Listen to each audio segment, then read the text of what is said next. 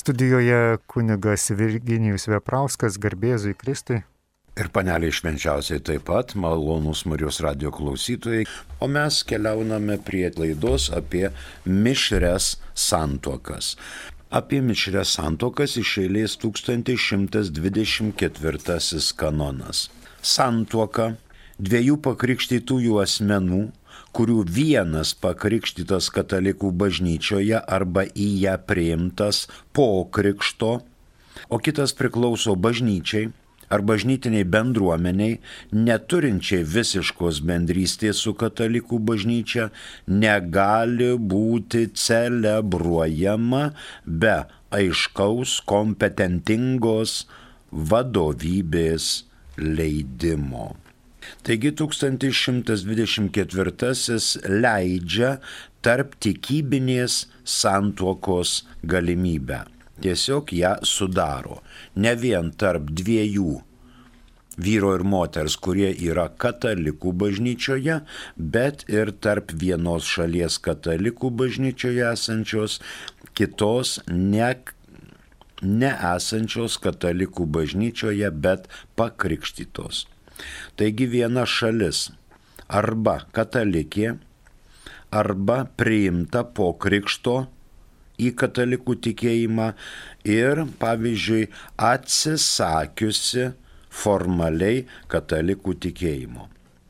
Kitas variantas, kai kita šalis krikščioniška ir neturi pilnos vienybės su katalikų bažnyčia. Pavyzdžiui, pravoslavai, kurie nepripažįsta popiežiaus primato, arba, pavyzdžiui, nepripažįsta santokos sakramentiškumo, evangelikai. Čia skiriama dalykus, kai nori tuoktis katalikas su nekrikštytu asmeniu. Pavyzdžiui, Mozės išpažinėjo arba musulmonų mums gali ateiti į pagalbą 1086 kanonas dėl tokių dalykų. Santuoka dviejų asmenų, kurių vienas yra pakrikštytas katalikų bažnyčioje arba į ją priimtas, o kitas nekrikštytas yra negaliojanti.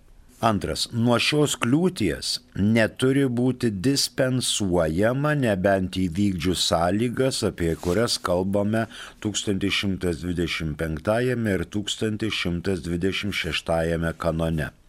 Ir trečias, jei santoko sudarimo metu viena šalis visuotinai buvo laikoma pakrikštyta arba jos krikštas buvo abejotinas, pagal 1060 normą turi būti prezumuojamas santuokos galiojimas, kol aiškiai nebus įrodyta, kad viena šalis buvo krikštyta, o kita nekrikštyta. Taigi principas toksai. Santoka dviejų asmenų, kurių vienas yra pakrikštytas katalikų bažnyčioje arba į ją priimtas, o kitas yra nekrikštytas, tokia santoka yra negaliojanti bet jinai yra, aišku, galima su dispensu. Tokia santoka be aiškaus leidimo necelebruojama. Tokį aišku leidimą klebonui, kitam kunigui, diakonui duoda vietos ordinaras. 1917 m. kanonų teisės kodekse tą normino 1070 kanonas. Be dispensos tokia santoka, jeigu buvo sudaroma, tai yra leidimo pažeidimas. Vis tiek buvo galiojanti. Tai žinoma, bažnytinis įstatymas, nedieviškas, neprigimtinis, Ir žinoma, reikia žiūrėti, kad vaikai būtų krikštyti katalikų bažnyčioje ir joje auklėjami. Ir katalikiška šalis ne sudarytų visas sąlygas, kad neprarastų tikėjimo. Dabar ta mintis, kad neasistuojama legaliai, kai šalis pakrikštyta katalikų bažnyčioje išstoja iš katalikų bažnyčios be bažnyčios leidimo. neasistuojama legaliai. Tačiau gali iššaukti tokios santokos negaliojimą dėl kanoninės formos trūkumo. Dabar paprastai dispensuojama šitas dalykas, tačiau nedispensuojama, kol yra grėsmė, kad katalikiškoje šalis gali prarasti tikėjimą. Arba kad vaikai gali būti krikštyjami ne katalikų bažnyčioje ir auklėjami, ugdomi ne katalikų bažnyčioje. Jeigu tokio užtikrinimo nėra, tokia santuoka nedispensuojama. Dabar, pavyzdžiui, krikščioniškos bendruomenės. Liuteronai, kalvinistai, anglikonai, valdensai, baptistai, metodistai, kvakeriai ir visi kiti, kaip ir mes, tikintys Kristų, kaip mūsų išganytoja ir atpirkėja ir tikintys, kad Biblija galioja, Biblija kaip apreikštoji tiesa, ne kaip ankstyvasis literatūrinis žanras arba kūrinys, kurį įdomu skaityti, bet kad Biblija tai yra apreikštos tiesos rinkinys. Nuo pasaulio sukūrimo iki pat Jėzaus ateimo. Tie, kurie tiki Bibliją, tiki krikštą ir yra pakrikštyti, tai jie priklauso arba bažnyčiai, arba bažnytiniai bendruomeniai, neturinčiai pilnos vienybės su katalikų bažnyčia. Tai 1124 sudaro sąlygas mišriai santuokai. Rytų kanonuose atitikmuo yra 813 kanonas. 1124 fiksuojam. Santuoka dviejų pakrikštytų asmenų, kurių vienas pakrikštytas katalikų bažnyčioje arba į ją priimtas po krikšto, o kitas priklauso bažnyčiai ar bažnytiniai bendruomeniai, neturinčiai visiškos bendrystės su katalikų bažnyčia, negali būti celebruojama be aiškaus, kompetentingos vadovybės leidimo. Kitas 1125 kanonas turi keletą padalų vietos ordinaras gali suteikti tokį leidimą, jei yra teisėta ir protinga priežastis. Negali suteikti, jei nėra įvykdytos šios trys sąlygos.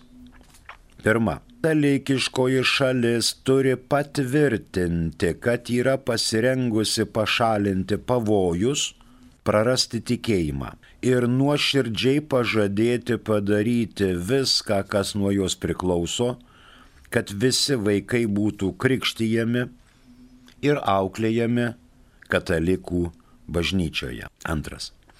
Apie tuos pažadus, kuriuos privalo duoti katalikiškoji šalis, laiku turi būti informuota antroji šalis. Taip, kad būtų aišku, jog jai iš tiesų žinoma apie katalikiškosios šalies pažadą ir įsipareigojimą. Trečias.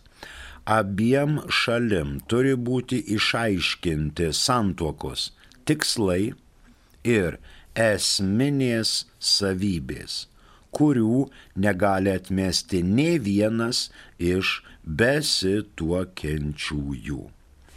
Čia išdėstyta viskas daug maž aiškiai. Mums gali ateiti į pagalbą 134 kanonas. Ordinaras. Be ordinaro leidimo santuoka necelebruojama. 134 antrasis. Vietos ordinaru suprantami visi čia aukščiau išvardinti, išskyrus vienuolinių institutų ir apaštališkojo gyvenimo draugijų vyresniuosius. Kad būtų aišku, kas čia aukščiau išvardinta, mes ir perskaitysime. Be Romos popiežiaus, ordinaru, teisėje suprantami diecesniai vyskupai ir kiti, kurie nors ir laikinai vadovauja bet kuriai daliniai bažnyčiai ar pagal 368 kanoną jai prilygintai bendruomeniai, taip pat tie, kurie juose turi bendrąją, ordinarinę, vykdomąją galę, būtent generaliniai ir vyskupo vikarai. Taip pat savo nariams popiežinės teisės dvasininkų vienuolinių institutų bei popiežinės teisės dvasininkų apaštališkojo gyvenimo draugijų aukštesnieji vyresnieji, turintys bent ordinarinę vykdomąją galę. Tai va šitie ir vadinasi ordinarais. Dabar galima būti vėl dėl teisėtos priežasties dispensuoti 90 kanonas. Pirmas paragrafas neturi būti dispensuojama nuo bažnytinio įstatymo be pateisinamos ir protingos priežasties, neatsižvelgus į atvejo aplinkybės bei įstatymo, nuo kurio dispensuojama svarba. Priešingų atveju dispensa yra neteisėta ir jei nebuvo suteikta paties įstatymų leidėjo, ar jo vyresniojo, taip pat negaliojanti. Tai va, jeigu netitinka šių kriterijų, gali būti dispensa netgi negaliojanti. Dar antrą paskaitykime. Abejojant, ar dispensos priežastis yra pakankama, dispensa suteikiama galiojamai ir teisėtai. Reiškia abejonės atveju. Bažnyčia tą tvirtina. Taip, dabar katalikas patvirtina, katalikiškoji šalis patvirtina dėl tikėjimo, kad jis, ta šalis, nepraras tikėjimo ir vaikai bus krikštyjami ir auklėjami bei ugdomi katalikų bažnyčioje. Toliau, nekatalikiška šalis painformuojama bet iš jos nereikalauja kažkokios priesaikos, jis, ta nekatalikiška šalis, turi išgirsti ir sutikti, kad taip bus. Čia yra sąžinės laisvė. Tolerancija, kuri sąmoninga ir laisvanoriška. Na ir žinoma, abiem šalim išaiškinti svarbiausi dalykai apie santuoką, kokie santokos tikslai ir esminės savybės. Kad musulmonas nesakytų, kad įmu šitą katalikę, jinai man bus trečia, ketvirta mano harem, kurių e, savybės pagrindinės, kurių negali atmesti nei viena iš besituokiančiųjų šalių. Rytų kanonuose atitikmuo 1125 yra 814. Sima, dabar mus pasiekė dar telefoninis skambutis, prašom. Leokadė iš Vilniaus. Klausom jūsų. Garbėzai kaip. Per amžius. Aš noriu paklausti tokio dalyko.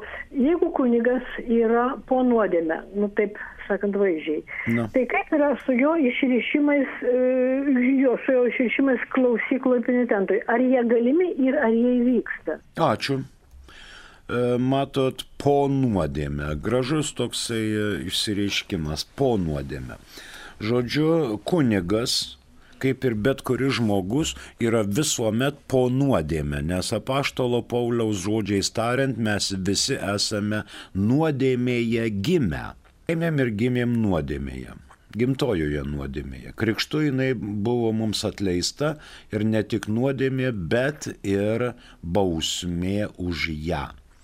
Dabar kiekvienas, net ir teisusis žmogus per dieną nusideda 77 kartus, reiškia daug.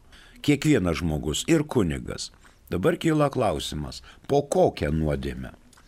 Pone Leokadija, dabar bažnyčia pripažįsta, kad yra sunkios ir yra lengvos nuodėmės. Ne didelės ir mažos, bet sunkios ir lengvos nuodėmės.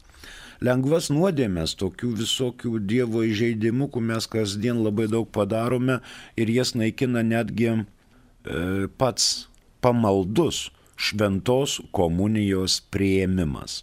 Lengvas nuodėmės e, naikina mūsų gailestingumo darbai.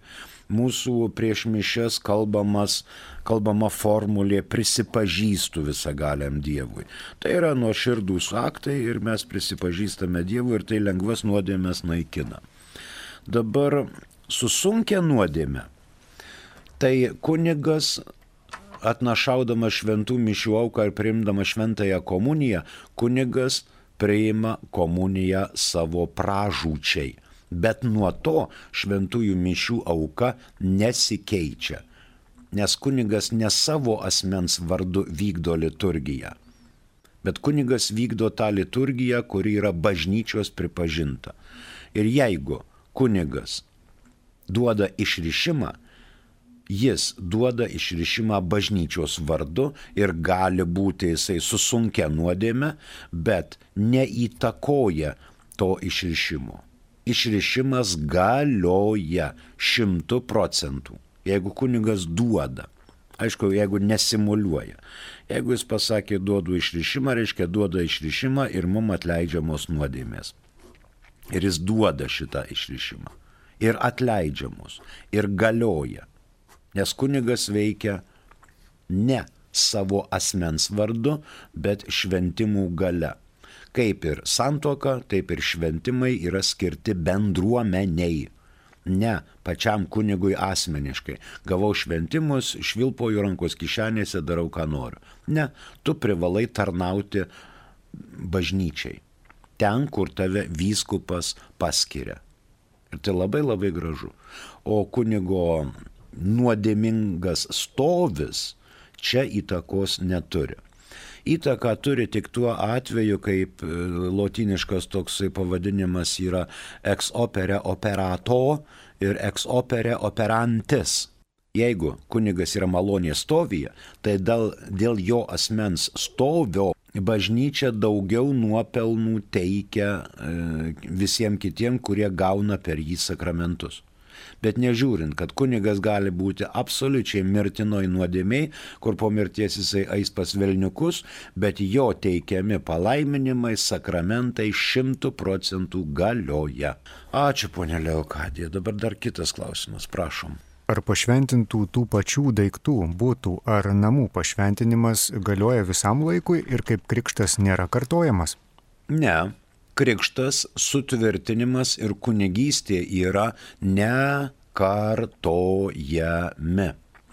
Ir tai yra ne palaiminimai, o tai yra sakramentai. Bažnyčia žino, kad yra septyni sakramentai. Anksčiau buvo kitoks jų skaičius, didesnis. Pavyzdžiui, sakramentas yra krikš, Kristaus įsteigtas ženklas Dievo maloniai gauti, regimas ženklas. Tai vad visi septyni sakramentai yra Kristaus įsteigti regimi ženklai Dievo maloniai gauti. Ką tai reiškia? Kad sakramentų metu tikrai šimtų procentų eina dieviška malonė. Be jokios abejonės. Šimtų procentų eina malonė. Paskui yra sakramentalijos, kurios turi mažesnę, mažesnį rangą ir taip toliau. O dabar pašventinimai tai yra prašymas Dievo, kad nuimtų piktosios dvasios įtaką tiems daiktams ir kad nevargintų žmonių, kurie ištikimai meldžiasi ir tarnauja Dievui ir visam laikui negalioja. Jeigu mes būtą pašventinom šiandien, o rytoj tame būte jau įvyko sunki nuodėmė, jau pašventinimas negalioja, jau reikia poryt vėl kviest kunigą. Taip formaliai kalbant. Dėl to klebonas yra įpareigotas bent kartą metuose aplankyti savo tikinčiųjų namus ir juos pašventinti. Pavyzdžiui, žmogus pakėlė ranką prieš save ir ten virvutė kažkur valkiojasi, mm, tai palaidotas žmogus, bet sako e, šeimos nariai, tai jis pas mus ateina, tai sapnuojasi, tai ten sujudėjo kas nors, užnarėjo, kokia užuolaida, ateik kunigė pašventik tą būtą, nes čia įvyko nuodėmė, žmogus pakėlė ranką prieš save. Kunigas ateina ir būtą šventina. Ateina ir šventina. Taigi sufiksavome 1125-ąjį, jo atitikmo rytų bažnyčiose yra 814. Dabar iš tikrųjų fiksuojame. Vietos ordinaras gali suteikti tokį leidimą, jei yra teisėta ir protinga priežastis negali suteikti, jei nėra įvykdytos šios sąlygos. Pirma. Katalikiškoji šalis turi patvirtinti, kad yra pasirengusi pašalinti pavojus, prarasti tikėjimą ir nuoširdžiai pažadėti padaryti viską, kas nuo jos priklauso, kad visi vaikai būtų krikštyjami ir auklėjami katalikų bažnyčioje. Antrasis apie tuos pažadus, kuriuos privalo duoti katalikiškoji šalis, laiku turi būti informuota antroji šalis. Taip, kad būtų aišku, jog jai iš tiesų žinoma apie katalikiškosios šalies pažadą ir įsipareigojimą. Trečias. Abiem šalims turi būti išaiškinti santuokos tikslai ir esminės savybės, kurių negali atmesti nei vienas iš besituokiančiųjų. Žinutė tokia iš Juozo. Ar galioja popiežiaus pranciškaus nurodymas išsiskyrusiems su galiojančia bažnytinė santoka ir gyvenantiems kartu gauti nuodėmio atleidimą ir priimti švenčiausiai sakramentą? Ačiū Juozas. Juozai jau buvo šitas klausimas anoje turbūt laidoje, bet tokio galiojimo pranciškus popiežius neteikė. Tokio, kad galiotų. Jis parašė posinodinį apaštalinį paraginimą. Paraginimą, bet ne nurodymą. Kaip minėjau, šitą e, jau 2000 metų bažnyčia moko, kad e, galiojančios bažnytinės santokos ir gyvenantiems kartu su kitais asmenimis gauti nuodėmių atleidimą ir priimti švenčiausiai sakramentą jau sena bažnyčios praktika kai žmonės yra metuose ir juos jungia vien tik tai stalas, bet ne lova. Tai jau sena praktika, o dabar čia turime, Juozas turėjo menį turbūt tą dalyką, kad čia tiem jaunesniem, kuriuos jungia ne vien tik tai stalas, bet ir lova. Bet tai yra paraginimas, o ne nurodymas. Ačiū. E, mums paskambino, prašom. Joana iš Marijampolės. Klausom jūsų. Garbėjai Zukristai. Per amžius. E, norėjau sužinoti, ką tai reiškia Mozės išpažinėjai. Žydai. Ačiū labai už atsakymą. Mozės, reiškia žmogžudžio Mozės išpažinėjai, jie taip dabar vadinami. Prisimenat, Mozėgi užmušė egiptietį ir galvoja, kad niekas nematė. O paskui kažkokia zaraza iš kampo pastebėjo ir stuktelėjo faraonui, kad Mozė, mylimasis tavo, kuriam tu žiedą užmovė ant piršto ir liepė valdyti visą Egiptą, jis užmušė egiptietį. O jisai juk žydas. Žydas, kaip žydas gali užmušti Egiptį, bet užmušė.